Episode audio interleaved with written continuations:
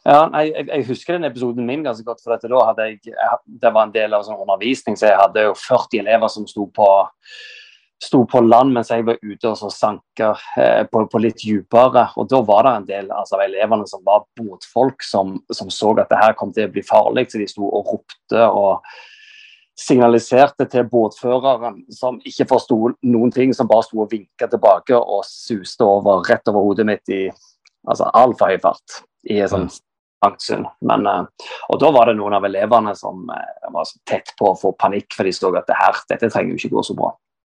Ja. Det er så kult at de passer på deg, da. ja. ja da, det, det, det er, eh, jeg er jo ganske mye ute i undervisning og drikke, og er, de syns det er veldig spennende, så de, de følger, følger godt med. Velkommen til Havkontoret. Mitt navn er Øystein. Jeg er sosionom, musiker og undervannsjeger. Denne podkasten er en serie intervjuer der vi snakker om hav. Det blir fridykking, men også fisk, fiskeri, miljøvern, bærekraft, jaktteknikk, skalldyr, matlaging, våtvett og livsnytelse. Hvordan får en nok tid på sjøen, i en travel hverdag med jobb og familie? Er det håp for torsken i Oslofjorden? Hvordan står det til med kveitebestanden i Sunnhordland? Er det lyren som er dum, eller er det vi som er det? Hvor finner en kamskjell, og hvor mange skal en ta? Hvordan får en kresne unger til å spise fisk? Og hvem er havets fasan, hvordan får du øye på han? Av overflaten. Yes, da er vi på episode 11. Denne gangen skal vi møte en spennende fyr. Kristian Ueland. Ja, men først vil jeg fortelle om en utstilling. Er sikkert mange av dere som har hørt om eh, Alexander Nordahl. Han er fotojournalist i Dagens Næringsliv og lidenskapelig fridykker. Og her er litt om utstillingen. Den heter Jungel. Tareskogen er en livsviktig del av jordens økosystem, også for oss mennesker. Denne jungelen er hjemmet til tusenvis av arter og dekker rundt en fjerdedel av all kystlinjen i verden. Tareskogen fanger millioner av tonn karbondioksid årlig og produserer rundt 20% av oksygenet som vi puster inn. Det totale arealet som tareskogen dekker under overflaten, tilsvarer størrelsen av hele Amazonas. Men det foregår en stille, ubemerket og kvelende utvikling under overflaten. Tareskogene forsvinner fire ganger hurtigere enn regnskogen og to ganger raskere enn korallrevene. Men det er håp, og taren har en unik evne til å komme tilbake.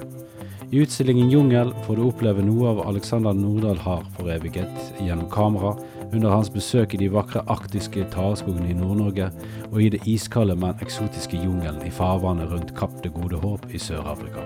Bildene er hentet fra serien Arctic Jungle og African Jungle, og alle er tatt på ett pust mens han fridykker. Utstillingen åpner 13. mai og går frem til 4. juni på Galleriet Pause i Nøstegaten 54 i Bergen. Ok, tilbake til Kristian Ueland. Kamskjellørn kaller jeg han. Han har så lett for å se kamskjell. Han er lærer, han er fra Jæren. Han er en del av uh, områdesatsingen i Loddefjord og Olsvik. Der skal de prøve å redusere frafallet i skolen. Spennende fyr. Dyrker chili. Løper. Dykker selvfølgelig. Da er vokalist i et hardcore-band. Lang intro. Kjør intervju. Nå har jeg skrevet ned en del spørsmål til deg, Kristian. Ja. uh, vi kan jo bare begynne å ta de, og så kan vi jo, hvis det er noe du har lyst til å snakke litt uh, ekstra mye om, så, så, tar vi det bare så det kommer. Ja, det, det er fint. Når begynte du med fridykking? Skal vi se, jeg drev og tenkte på det tidligere. Jeg drev og kikket på noen sånne gamle fangstbilder. Uh, jeg tror jeg begynte i enten 2010 eller 2011. Jeg tror det var i 2011. Hva var det som fikk deg til å begynne? Egentlig sånn, litt tilfeldigheter. Altså på, på, den tida så eh, drev jeg med ganske mye reising, og så var det ett år der jeg var i i Mexico der jeg tenkte at det hadde vært fett å kunne eh, dykke mer eller være, flinkere til å dykke. At når jeg kom tilbake, så hadde jeg lyst til å, å, å ta et kurs. Eh, og da startet jeg opp med sånn eh, flaskedykking. og forsto egentlig at når jeg var i gang med det kurset, at det var ikke det jeg hadde lyst til å drive med. Sånn at jeg fullførte kurset. og gikk igjennom alt det der maset som eh, de alltid hadde på Nemo, om å kjøpe utstyr og at en skulle starte opp så fort som mulig. Men eh, endte opp med at jeg kjøpte utstyr så fort jeg var ferdig eh, med, med kurset på Nemo, med flaskedukking, og så gikk jeg i gang med med fridykking. Da hadde jeg en kompis som, som var i gang, Og så tok han meg ut på en tur ut i Øygarden, og, og så var det umiddelbart uh, veldig kjekt. Kan du fortelle om noen av de første opplevelsene du hadde? Ja, altså det, De første turene jeg hadde, var faktisk i altså Rognesundet og Ormhilleren. Og eh, opplevde jo sånn umiddelbart at, at en fikk det til. At en, eh, når en var forbi det der første timen liksom, med, med at linene hang seg opp, og at en ikke fikk den der fine flyten en skulle ha, så, så, så var en liksom i gang med en ordentlig hobby med en gang. Og så fisk, og det var liv. Og uh, syns at umiddelbart at det var utrolig spennende verden som, uh, som åpna seg opp. Ja. Kjøpte du deg harpun med en gang, eller begynte du å dykke først, og så tok du det litt etter hvert? Jeg hadde noen, noen få turer uh, uten bare for at det hadde blitt anbefalt, sånn at jeg fikk styr på, på line, og at en fikk inn sånn det som en trengte av teknikk, og fikk litt ro i vannet. Og så gikk det veldig fort før jeg bestilte en harpun fra England og gikk i gang. Mm. Er det den samme harpunen som du fortsatt har? Ja, det stemmer. Hmm. Hva er det kjekkeste du har opplevd eh, under dykking? Du kan gjerne fortelle om flere ting. altså det... Altså, Jeg har alltid, alltid liksom hatt ei greie for eh, altså sand. Jeg liker godt å dykke på sand. Eh, veldig glad i kamskjell og alltid liksom kombinert både altså, sanking av skjell og, eh, og, og skyte flundre, altså flatfisk, breiflabbe, rødspett, piggvar. Altså, det det syns jeg er veldig kjekt og veldig fin sånn eh, matfisk, sånn at det, det, er lett å få til bra matauk på det. Mm. Og så er det jo kjekt å kunne variere med, med veldig mye altså, litt sånn ulik jakt. Altså, vi hadde noen år der vi, der vi reiste til Sogn og Fjordane og, og jakta på eh. Det syns jeg var veldig kjekt å skyte store piggskater. Altså mye mat og veldig sånn, eh, kjekk mat å lage til. Ja. Altså ute i Gulen, eller uti der, kanskje? Eller? Ja, Byrknes er det dette. Ja. Jeg tror ja, ja. det. Ja. Så jeg hadde en kompis som, eh, som dukka da, som inviterte ut, og så var vi et, et, godt lag som reiste ut med båt og sjekket ut flere ting. Og så var det sanking på dagtid og matlaging på kveldstid, og så ja, fine, fine helger. Ja, nice. Jeg har fått en klosgate. kloskate. Jeg fikk en i sommer, faktisk. Ja. Det var veldig god fisk å spise. Ja. Jeg hadde en opplevelse i sommer da, i Nordland. Uh, der jeg så så mye fisk og så mye liv under sjøen at det var helt surrealistisk. Så jeg måtte rett og slett bare le. Eh, har du noen gang ledd under vann? Nei, vet, men jeg har ofte blitt i godt humør. Altså når, en, eh, når, det, når det er veldig mye liv rundt og du havner inn i de store strømmene og du ser at, ja, at, at, du er del av noe som er mye større enn deg sjøl, så, så, kan en få liksom en, sånn, en god opplevelse. Men eh, jeg vet ikke om jeg har lett. Det, det tror jeg ikke. Ja, nei, jeg, eh, jeg har det et par ganger. Jeg var en gang jeg så en torsk også en gang som på en måte minte meg litt om en sånn slags hund fra en sånn polsk animasjonsfilm. okay. Han snek seg rundt et uh, undervannsskjær. Uh, jeg, måtte, jeg fikk ikke tak i han da, jeg måtte gå opp og puste, så jeg så han litt for seint. Ja. Har du en historie om en fisk som du aldri fikk has på? Ja, jeg, jeg har hatt flere sånne, eh, sånne Kom over en kjempestor torsk, og så skal du skyte, og så står sikringen på. og så akkurat når ja, ja. kommer det et lite klikk, og så, og så, er han vekke. og Det har jo noen sånne som en, som en fortsatt husker. Altså sånne En lyr på en meter, eller uh, store torsker som, som glapp. Men uh, heldigvis så, så, går det jo ikke så lenge til, til neste opplevelse før en uh, får en fin fisk eller får en tilsvarende opplevelse. Så jeg har ingenting som, som gnager ennå. Nei. Nei, men sånne ting kan egentlig ofte få deg mer fyrt opp egentlig enn å få en fisk. Ja. Øygarden for hva det var, ja, for, for, noen måneder siden, og da hadde jeg med en som, en som eh, ja, som, som, fortsatt er litt nybegynner, som eh, skjøt en stor piggvar, som vel sikkert var den største og den fineste fisken han har sett. Og så var han akkurat litt langt ifra, så pila satte seg ikke skikkelig. sånn at når han da svømte opp for han måtte ha luft, så sleit han seg. Og den, den vet jeg sitter i ganske lenge. Eller sitter i fortsatt på, på han. Eh, så han, han, søker tilbake til samme plassen fortsatt. Han gjør det, ja? Ja. Hver helg? Veldig ofte. Han, han vil tilbake. Ja. Jeg så min første piggvar nå i helgen. Ja, Var det noe størrelse på den? Nei, den var veldig liten. Ja. Så Men jeg er glad at jeg har sett den endelig. Ja. Fordi eh, det er jo noe av det der med bare å, å vite hvordan de ser ut, sånn at du ja.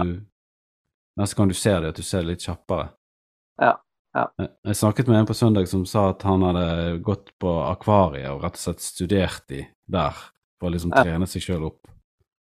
Ja, for de, de, ligger ofte på en litt sånn spesiell grus eller uh, sand eller i, i, i overgangen, er, er, min erfaring. Så jeg, jeg, vet akkurat hvor jeg tenker her, her tror jeg han ligger. Og av og til, eller ofte så stemmer det. Ja. Ja, for jeg tenkte på det Jeg har jo snakket med deg om dette før, og eh, jeg svømte jo forbi disse pilarene på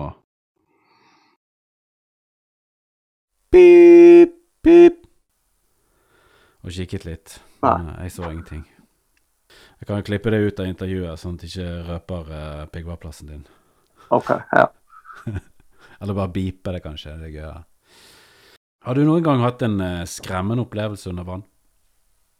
Ja, jeg, eh, jeg, har hatt noen, ikke veldig mange. Altså Jeg husker det var når vi var nybegynnere at vi Da reiste vi ut nesten uansett vær, og av og til så ble vi kanskje mer ivrige enn vi burde være. Så jeg husker vi var ute i Sundre Straumsund, og det var nesten storm, tror jeg. Og vi bomma litt på flo og fjære, og det ble veldig tungt å svømme tilbake.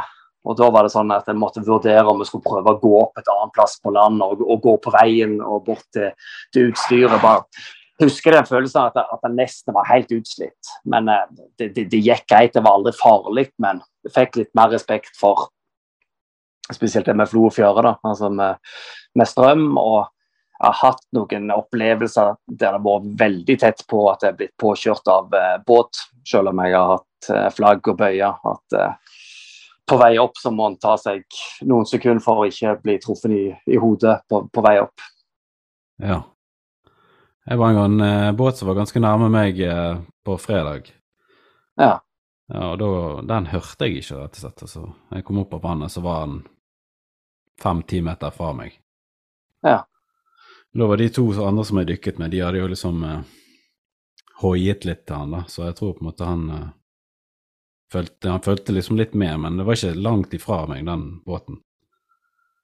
Ja, jeg, jeg, husker den episoden min ganske godt. for da hadde jeg, Det var en del av sånn undervisning, så jeg hadde jo 40 elever som sto på på land mens jeg var ute og så sanka eh, på, på, litt dypere. Og da var det en del altså, av elevene som var båtfolk, som, som, så at det her kom til å bli farlig. Så de sto og ropte og signaliserte til båtføreren, som ikke forsto noen ting, som bare sto og vinka tilbake og suste over rett over hodet mitt i altså, altfor høy fart. i sånn Aktsund. Men, uh, og da var det noen av elevene som uh, var så tett på å få panikk, for de så at det her, dette trenger jo ikke gå så bra.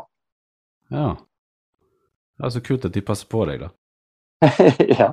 ja da, det, det, det er, jeg er jo ganske mye ute i undervisning og drikke, og er, de syns det er veldig spennende, så de, de følger, til, følger, godt med. Ja.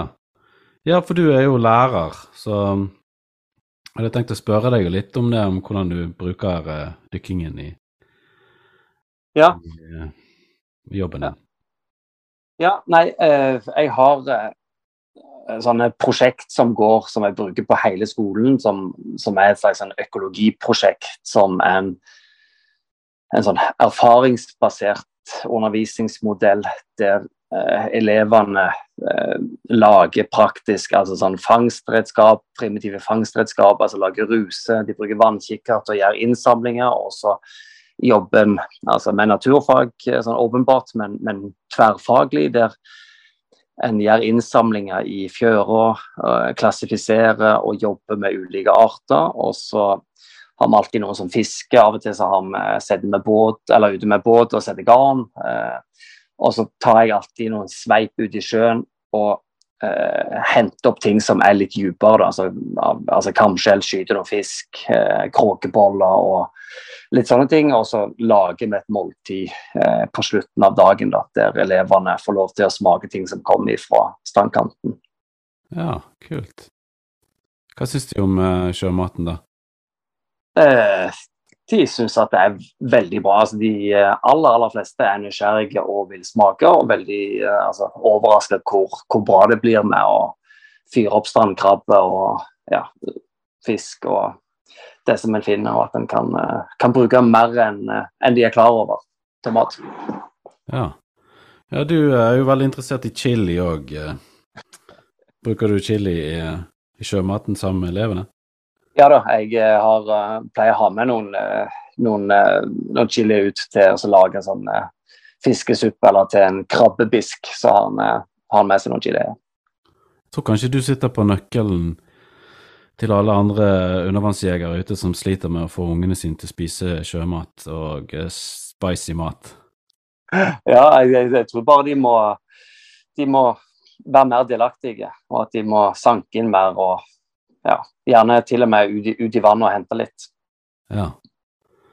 ja jeg eh, prøver jo å få Jeg har jo drivhus med chili, jeg òg, men eh, eh, datteren min frykter de chiliene som pesten. ja, jeg eh, dyrker alltid noen sånne veldig, veldig milde, eh, sånn at de, at, de, at de, føler at de smaker. Og selv om vi dyrker noen uten styrke, så så dikter de inn at de er bitte litt sterke likevel. sånn at da, går det an å begynne med noe helt nede på skalaen, og så, og så bygge den litt opp. Mm.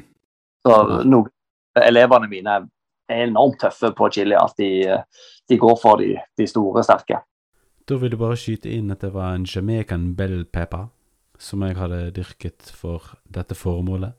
Og det er da en mild, velsmakende sort som får klokkeformede røde frukter nydelig vakker. Ja.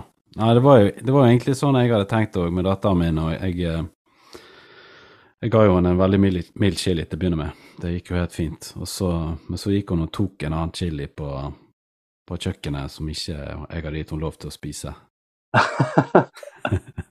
og da var det grining og melk og yoghurt etterpå.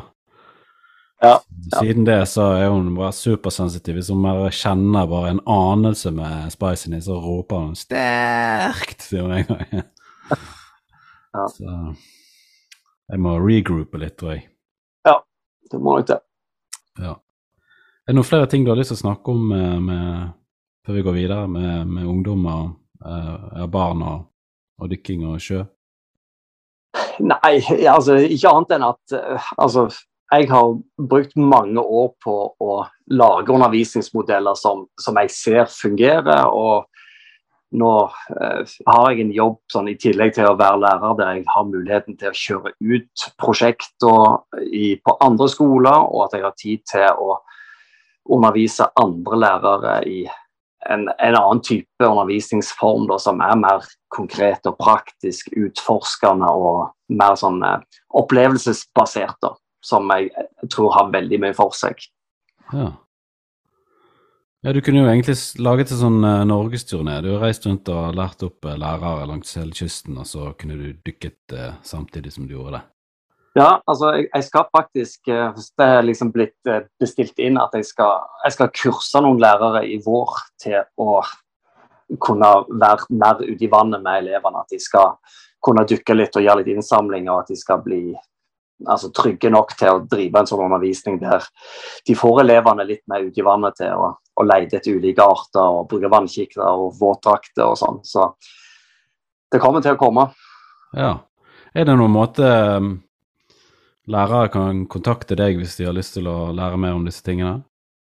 Ja, altså jeg har jo eh, ganske mye undervisning sånn uteskole, og altså jeg har ofte altså studenter eller uh, andre lærere som er med og hospiterer, som er med og ser. Og deler opplegg og erfaringer, det er ingen problem. Ja, kult. Og da kan de nå deg på Instagram, kanskje, eller Uh... Ja, eller på Bergen kommune er posten min. Mm. Ja. Nei, men det kan jeg jo legge ved. Ja. Ja. Kult. Ok, da går vi over til uh, noen, noen faste spalter som jeg har her. Ja. At du skal bare stille litt på stol. Sånn, ja. Ok, da begynner vi med fastespalten som heter uh, Lyr frysen. ok. Ja, det er en spalte som, eh, der jeg spør uh, gjestene om uh, hvor mye fisk og sjømat de har i, i fryseboksen. Og uh, hvilken type. OK, ja, spennende. Eh, ja, akkurat nå så har jeg eh, Jeg, jeg steikte opp alt som jeg hadde av lyr eh, for litt siden, og lagt eh, fiskepinner til, til kidsa i gata. Så akkurat nå så er jeg tom for fisk, men jeg har eh, 55 kamskjell liggende i frysen som jeg skal fyre opp i helga i et stort lag. Ja, jeg hadde, gjorde akkurat det samme, egentlig. Jeg vet ikke Når vi var ute på Nordre Saumsund, så fikk jeg den siste batchen, men jeg hadde med ca. 50 kamskjøtt til min uh, søster sin 50-årsdag. Ja, ja det, det er god. Det er bra greier, det. Ja, de fikk virkelig bein å gå på. Eh, Ja, det grillet.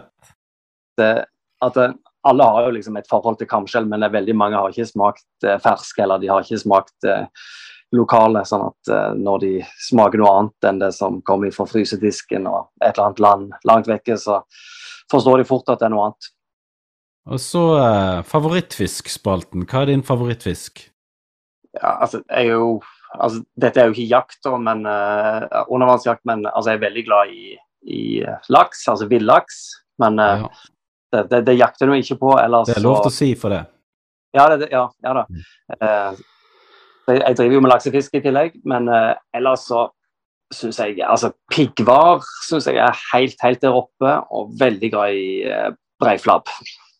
Hvordan eh, tilbereder du en piggvar? Uh, ja, altså, det har lagd ulike ting, men jeg har av og til lagd noe sånn altså en, Hvis du lager en veldig god saus uh, eller ei, ei suppe og bare eh, serverer det med, med rå, rå piggvar som du bare tar over varm væske, at det bare trekker ferdig i, i tallerken. Men eh, Eller eh, helsteike de. Det var veldig, veldig godt. Okay. Bare smør og sitron. ja. ja. Så da fileterer ikke du, du bare Nei. Steiker med alt. Steiker med bein for å få, for å få mer smak. Jeg har alltid hatt en sånn idé om å ha Jeg vil ha en pizza med en flatfisk oppå. ja, det høres spennende ut. Ja, tror det kan funke. Ja. ja. Hva er favoritt-skalldyr, da? Liker godt krabbe, da. Ja. Krabbe. Veldig fint. ja. Jeg fikk en eh, veldig flott krabbe i helgen. Et skikkelig prakteksemplar. Ja. Og den, eh, den var det masse mat i òg. Ja, ja. Jeg hadde egentlig håpet å få stikke ut og dykke i morgen, men nå er det meldt eh, tordenvær, så det tror jeg skal stå over. Ja, nei, det er nok greit å stå over. Mm. Så, men jeg har eh, Jeg fikk jo fire krabber eh, forrige helg, så det tok jo pellet en av de, så jeg har tenkt jeg skal lage eh, pizza med krabbe. Ja, det er bra. Det er bra. Og krabben har en litt sånn, en litt sånn funky smak, som jeg tror kommer til å funke veldig godt sammen med, med blåmuggost. Ja. Høres kanskje litt rart ut, men jeg tror det, det kommer til å funke. Og vanligvis, hvis jeg på en måte tenker dette kommer til å funke, så gjør det det. ja. Ja. Og så vil jeg prøve med noe sulta chili. Det tror jeg er frekt. Sulta chili. Mm. Ja, det, det er nok uh, digg, ja.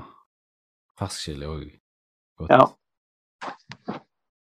Jeg hadde noe fersk chili på krabben som jeg spiste, da. Den store som jeg fikk i helgen. Ja. Bare på steinovns, altså sånn uh, surdeigsbrød, smør, salatblad og så krabbe og saltpepper. Og så en grønn chilensk chili som er litt sånn ikke så veldig sterk, men veldig syrlig. Ja, ja. Kjempegodt.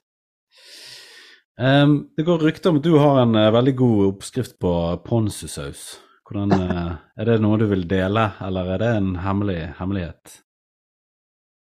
Nei, nei det, det, det, kan jeg godt dele. Altså, det er jo helt tilfeldig at jeg har fått den, men jeg, jeg, jeg syns den er helt fantastisk. Men uh, Du kan godt fortelle historien om hvordan du fikk den òg.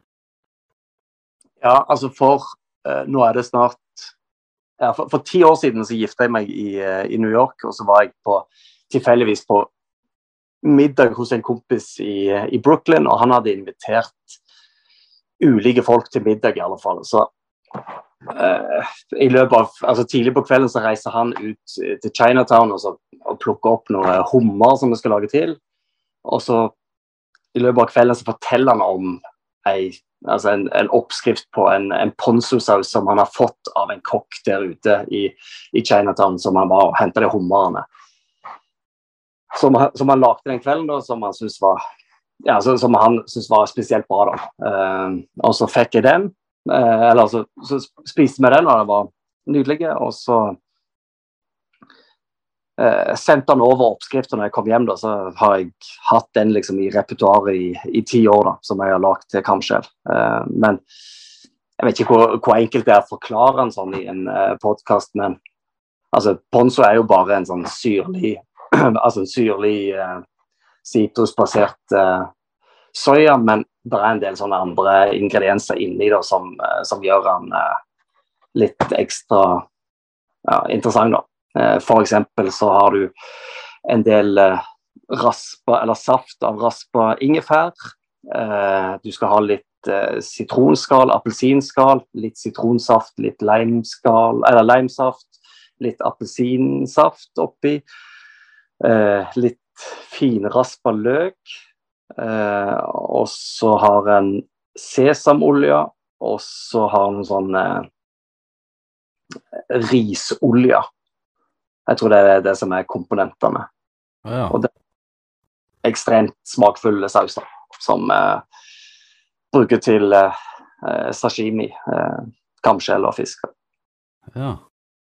Jeg bruker sånn eh, riseddik. Ja, ja riseddik, det var det jeg mente. At du har litt ris. Ja, riseddik er det som skal i sausen. Mm. Og chili? Uh, jeg har ikke lagd det med chili, men uh, kanskje litt. Altså litt sånn forsiktig. Altså Litt uh, Det må ikke ta helt over. Ja. jeg lagde en uh, ponzu nå for ikke så lenge siden, og den var det heftig mye chili. Ja, funker det? Ja, det kan jeg anbefale. Hvis du er glad i chili, så syns jeg det var helt knall. Lagde, hadde det til en uh, kveite-sashimi. Ja. ja det, det, ser jeg for meg godt. Det eneste er at hvis du, hvis du skal drikke mye vin til, så er det jo noen ting som uh, En del vin som blir diskvalifisert hvis du har for mye chili. Okay. Ja. Nei, det er jo alltid det der eh, Det er alltid det de sier, da. Det er Riesling med restsødme. Ja. Ja. Men uh, så det funker som regel. Men jeg syns egentlig godt at det kan være litt tørrere ting òg, men det er fordi jeg syns tørre viner er så gode at Det er jo av og til det er noen viner eller øl du liker så godt at på en måte du, du syns det blir godt sammen, kanskje ikke det objektivt sett på en måte passer så godt sammen. ja da, så det er det jo. Så jeg blir litt irritert av og til hvis jeg hører noen som sier at nei, du kan ikke gjøre det. Jo, hvis kan jeg gjøre det. Du er jo en familiemann, så nei, vi har vært innom på det der med, med sjømat og barn. Uh, ja. ja. Nå lagde jeg fiskepinner i dag uh, sjøl. Det funket uh, ganske bra. Ja, ja. Det, det fungerer. Det er liksom eh, litt sånn neder, nederlag når de bare piller av det der crispy greiene på utsiden, for det er jo det minst sunne av hele Ja. Jeg tenkte på det, kanskje, sånn, kanskje det var der liksom den engelske sjømattradisjonen har på en måte gått seg litt vill. Det var at de på en måte skulle tilpasse det litt for mye til barn. Sånn at det ble for mye friterte ting. Ja, ja da, det, det, er jo Sånn er det jo, ja. Men det er jo veldig godt med fritert sjømat. Uh, men da bør du gjerne balansere det med noe annet. Altså du kan ikke Ja. Syns iallfall jeg. Jeg husker jeg var i uh, Montenegro en gang. Da bestilte vi en sånn stor uh, sjømatstallerken. Da var liksom alt var fritert. ja. det var egentlig litt guffent. Hvor eh, var siste plassen du dykket? Du kan si, eh, du kan si generelt område hvis ikke du vil eh, si sånn spesifikke plasser. Ja, eh, Siste tur jeg hadde, var ute på Bjorøy. og Da var jeg ute og eh, samla kamskjell som vi skal ha til vinsmaking på, på lørdag. Ja. Hvor mange kamskjell klarte du å få med deg? Eh, 50. 50, det er meget bra.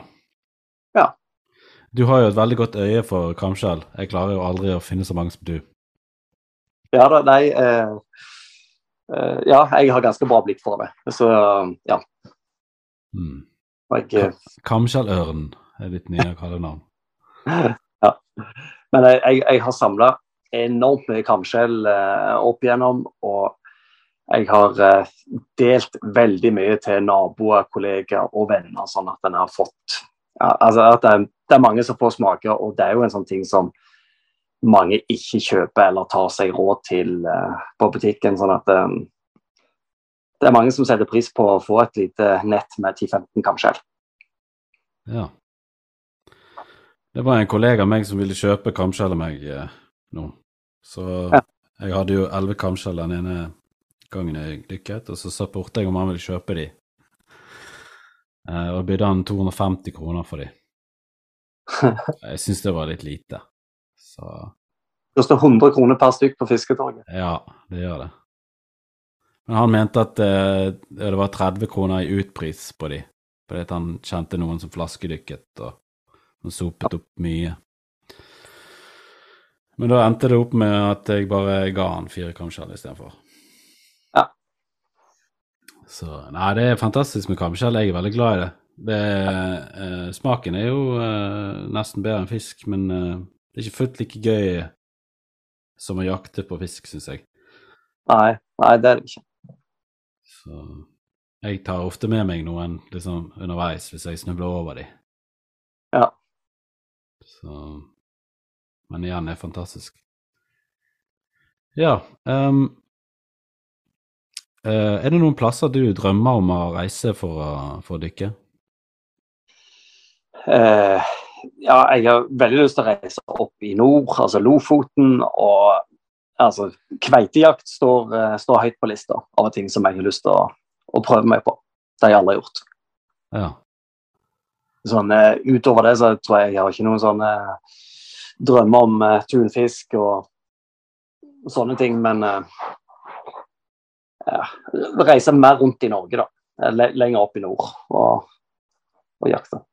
Ja, altså, Norge er jo, er jo fantastisk. Altså, jeg har jo altså, nesten bare dukka på, på Vestlandet her, og så litt i Danmark på, på sommerferie og sånn, men altså, det, det, det kan jo ikke være mange plasser en har så stor uh, altså, altså det er artsmangfoldet og kan jakte på så mye forskjellig, og at du alltid kommer hjem med et eller annet. Det tenker jeg det er, er litt unikt.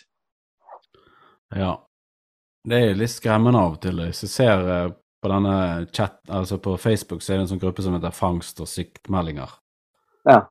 Eh, der er det mange som er veldig aktive og legger ut mye. Og eh, jo lenger sør på kysten, jo mer lyr blir det. Altså, der er det jo bare lyr i Rogaland. Ja, ok. Ja. Eh, en og annen torsk. Um, jeg tenker mye på lyren, egentlig. Hva skjer med den? Eh, ha, har det alltid vært så mye lyr som nå?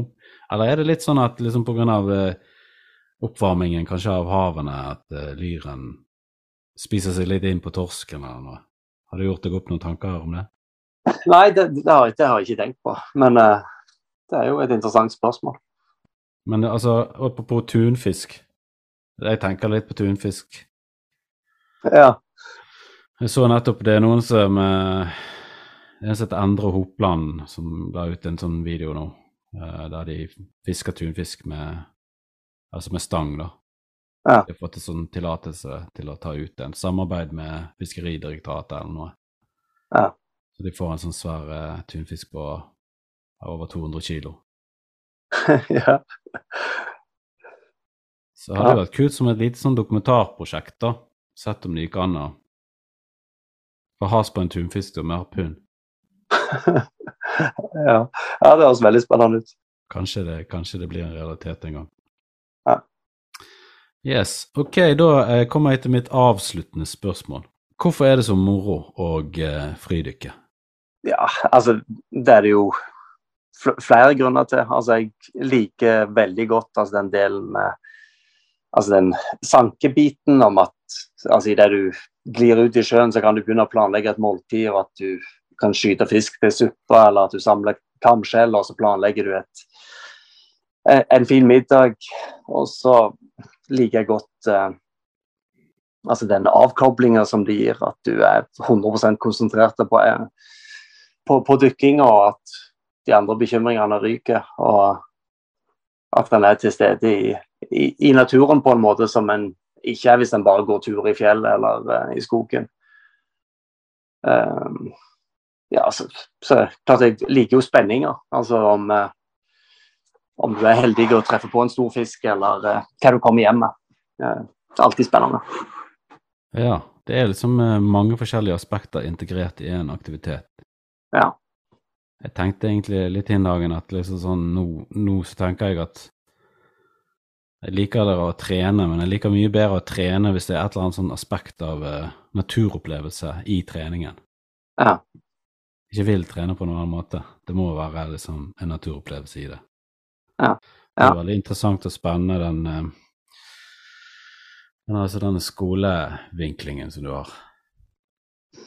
Ja da, og det er jo jeg, jeg tenker det er jo det som jeg syns er litt interessant med eller med, med, med læreryrket, at du kan dra inn altså ting som en er altså, lidenskapelig opptatt av å lage undervisning ut av det. Og jeg hadde jo ikke hatt samme interessen for altså, prosjekt eller eh, ja, altså ting som en ikke interesserer seg for, men jeg ser at det har eh, liksom en altså, veldig fin appell til til, til barn og unge i skolen. Da. Det med det praktiske og det med å, å Ja, det erfaringsbaserte. Ja. Ja. Du har gjort en veldig god jobb til på en måte å bruke deg sjøl i, i, yrket ditt, da. Ja. Så, ja. jeg tenker jo litt sjøl, jeg har jo lyst til å klare det mer. Jeg får liksom ikke helt til for tiden. ja, nei, nei, det veldig kjekt å kunne jobbe med det der. Og nå er jeg jo altså Nå som jeg har en, en annen jobb i tillegg og liksom får kjøre det inn på, på med, med, nye lærere, nye elever og ny ledelse, så syns jeg det er veldig spennende å drive med sånn, altså, altså profesjonsutvikling. At en altså, utvikler et personale og får lærere til å jobbe på en annen måte og får de ut av klasserommet og altså, ut i naturen. Det ja. tror jeg er veldig viktig. Ja, det er jo på, på en måte det er en slags miljøterapi. Ja da, og, ja, det er altså, ja, helt åpenbart. Vi går, altså, du tepper inn i det som på en måte er egentlig veldig naturlig for oss mennesker. Sant? Det er jo vi som er voksne, at vi tar med oss barn og viser dem hvordan de skal leve. Ja. Og jeg har opplevd det mange ganger at eh, når en går i gang med liksom, eh, altså innsamling i sjøen, og elevene får på seg en våtdrakt og får en vannkikkert, så er det noen som går ute i sjøen, og de har virkelig ikke lyst til å komme opp igjen. Nei. Og som har gått ut i timevis. Altså, de mm. er nesten litt nedkjølt når de kommer opp, men altså, de opplever et eller annet som de ikke har opplevd før. Som mm. jeg tror er utrolig viktig i, i, skolen, og som er liksom en opplevelse som veldig mange går glipp av. Da. Ja. ja jeg er helt enig med. Bra jobbet. Jo, takk. Yes. Det var episode 11. Først vil jeg gjerne hylle HC Furnesvik. Han er den første Patrion-mesen til Havkontoret. Han er ny styreleder i Bergen Fridikerklubb, og han har masse kule planer. Yes. Følg oss på Instagram og Facebook. Kanskje skal jeg en gang lage en sånn skjult sending helt på tampen. Hvis om noen husker eh, de albumene som eh, vi vokste opp med. Der var det av og til sånne rare ting på slutten. Ja, det får bli neste gang. Snakkes.